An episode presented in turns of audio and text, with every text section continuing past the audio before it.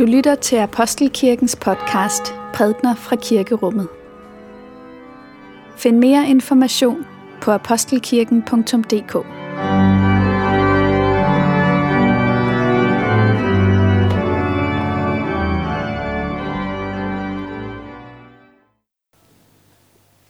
Dette hellige evangelium skriver evangelisten Matthæus.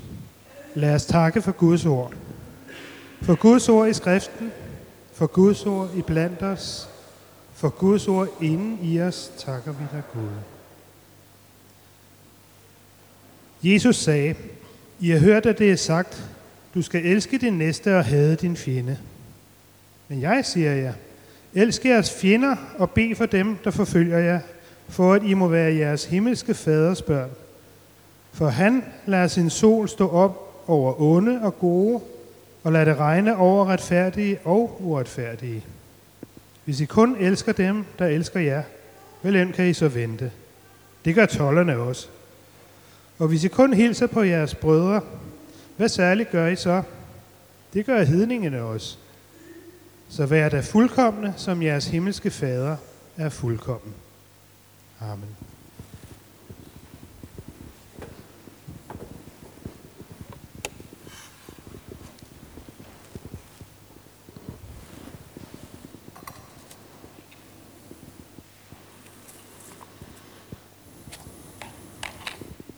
Og lad os bede sammen.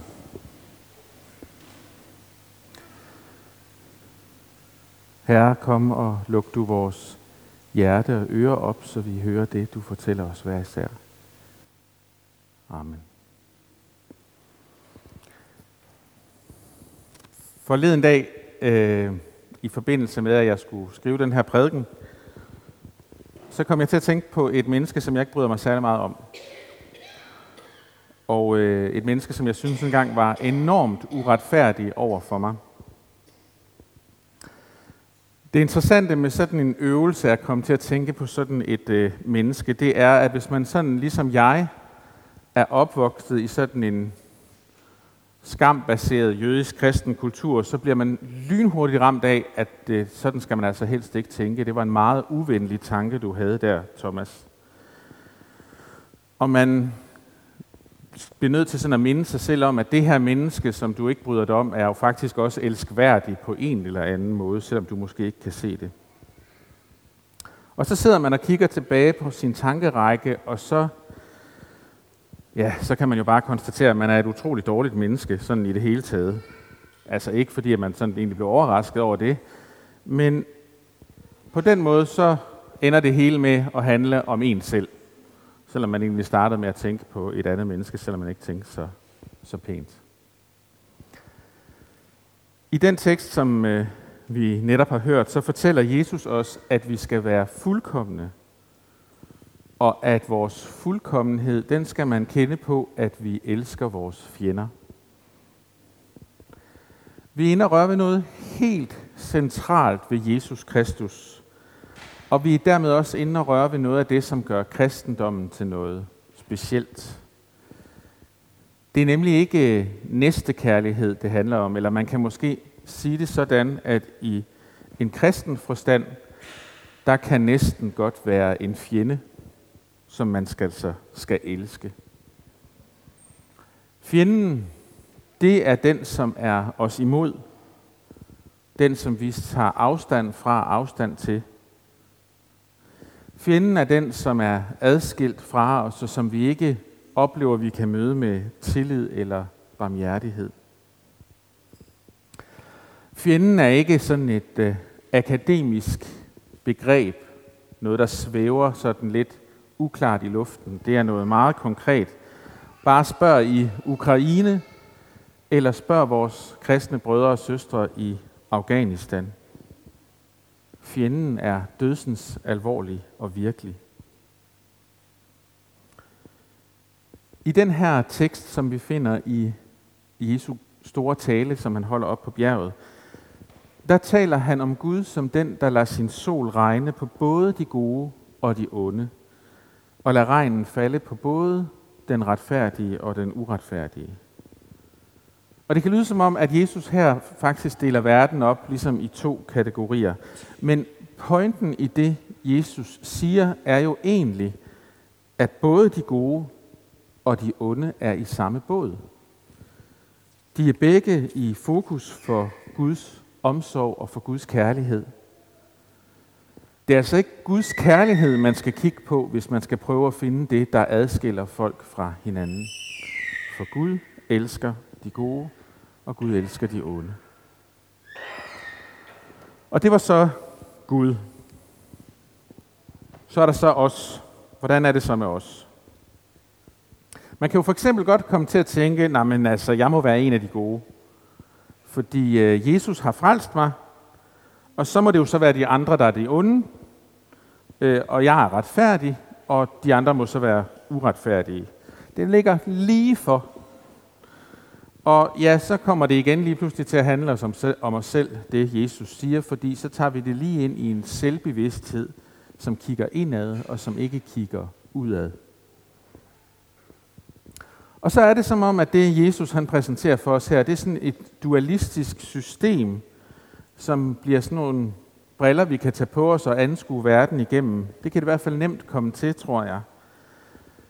For en del af syndens meget store konsekvenser er, at den skiller tingene ad. Og vi kan komme til at se på os selv som adskilt fra de andre. Vi bygger hold op i vores hoved, hvem er på det ene eller på det andet hold. Og vi tillader, at synden kommer til at skjule den forbundethed, vi har også med dem, der ikke ligner os. Også med dem, som er os imod. Også med dem, som er vores fjender. Det er det samme, der sker, når vi kigger på vores forbundethed med miljøet og naturen for eksempel. Vi ser den ikke længere som noget naturligt. Vi er adskilt fra den, og vi, vi kommer så let til at se os selv som nogen, der er anderledes, noget andet og underforstået. Nogen, der er bedre. Hvis man ser på sig selv med det blik, at man er en af de gode, og man hører til på det gode hold, ja, så kan man pludselig blive optaget af at skulle gøre det rigtige. Altså ikke bare fordi det handler om at rent faktisk leve i sandhed og kærlighed, men fordi der går sådan en indre regnestykke i gang, hvor man skal sætte flueben på en tjekliste. Man skal helst kunne se på os, at vi hører til på det gode hold. Og det er det, der bliver det vigtige, at man kan se på os, at vi er de gode. Og så kan der komme sådan noget ind med, at vores børn skal i hvert fald ikke lege med de ondes børn, og, og, eller de uretfærdige børn, og, og vi er slet ikke sådan jo, så dem skal vi helst ikke have noget med at gøre. Og hvis det er sådan, vi kommer til at tænke, ja, så er der vist ikke nogen, længere nogen tvivl om, hvilken kategori vi befinder os i. Så er der så også dem, når de hører det, Jesus siger om, at der findes de onde og de gode, som, som tænker om sig selv, at de er så onde, at de har ikke fortjent fællesskabet med andre mennesker. Og de isolerer sig og gemmer sig bort. Og også her så medvirker synden til at adskille dem fra andre.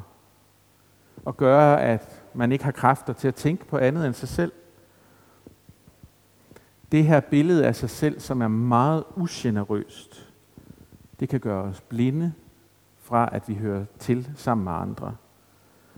Og det selvgode billede af os selv, det kan gøre, at vi sander til i at skulle gøre det, som er rigtigt, for at alle skal kunne se, hvor gode vi er. Så altså, når alt kommer til alt, så kan vi faktisk ikke, tror jeg, bruge sådan en opdeling af verden til ret meget. Den her opdeling af verden i hold, som nogle gange sker op i hovederne på nogen af os, den afslører jo dybest set, at vi er hyklere. For det er den, som gør os til linjedommere, der står og vurderer, når vi kigger rundt i verden.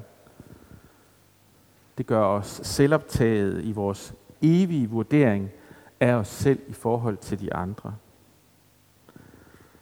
Og den her sådan mentale sorteringsmaskine, hvis man går rundt med sådan en oven i hovedet, så kan den hindre os simpelthen i at blive grebet af det, som er det dybe og som er det sande, og som Jesus fortæller os i dag, nemlig at alle er elsket med den samme kærlighed.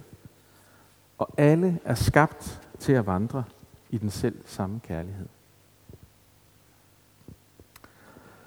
Det kan godt være, at vi ikke bryder os om at sidde der i den samme båd med de andre. Vi synes måske ikke helt, vi passer sammen med dem. Og så kan man spørge, vil vi i virkeligheden gerne have haft, at Jesus havde valgt os, fordi vi var dygtige, og fordi vi havde ret? Ser vi Guds kærlighed til os som en slags belønning for, at vi har været nogle meget velopdragende børn? Det er altså ikke godt, for det kan skabe et forkert billede af os selv og et forkert billede af Gud og hans kærlighed til os. Hvad end vi ved det eller ej, så hænger verden sammen. Og de onde og de gode har det til fælles, at de har mistet den herlighed, det blev skabt med. Og de har brug for at vende sig om mod den kærlighed, som de blev skabt til. Mennesket, som Gud havde skabt, blev til Guds fjende og slog hans søn ihjel. Og nu er det den søn, som står og siger til os, elsk jeres fjender og vær fuldkommende. Augustin, en af vores kirkefædre, han siger det sådan her.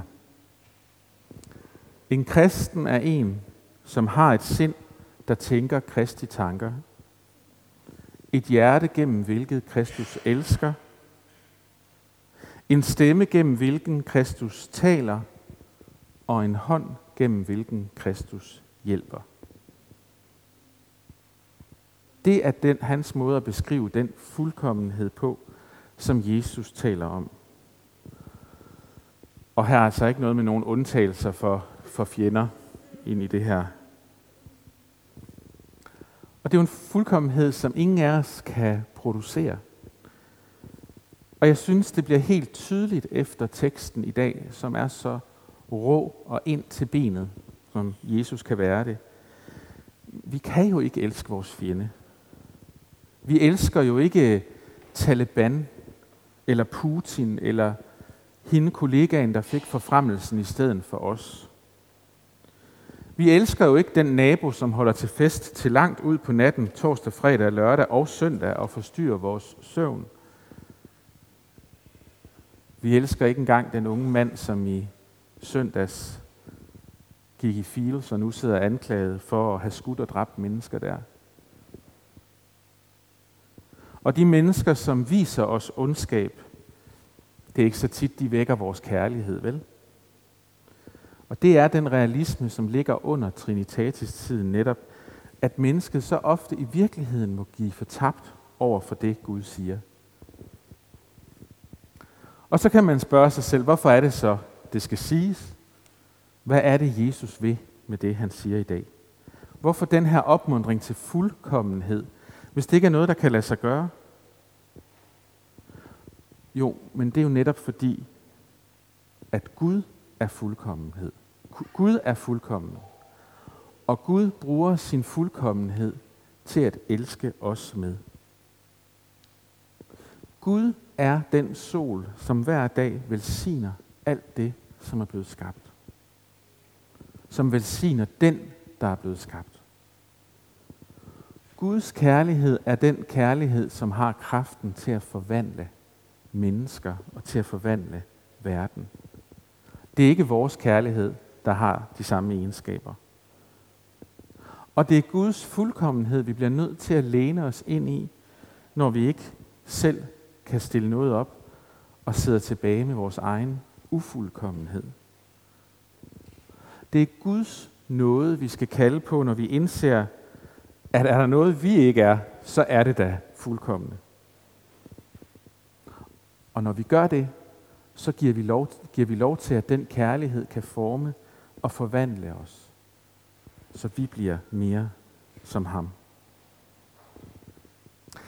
Det er sådan med Jesus, at han kom jo ikke kun for at frelse de onde. Han kom også faktisk for at frelse de gode. Og det er måske dem, det er allermest besværligt overhovedet at komme til at få lov til at frelse. Fordi de ved jo godt selv, hvor meget ret de har, de her gode nogen. indtil de måske i dag bliver ramt af det, som han siger, hvor han siger, du skal elske din fjende. Jeg kan ikke elske min fjende, sådan som min fjende bliver min ven. Men Gud kan elske mig sådan, som mit blik på det andet menneske formildes. Så jeg formes til at stole på hans kærlighed. Også når han kommer til mig med det her helt sandfærdige og personlige spørgsmål.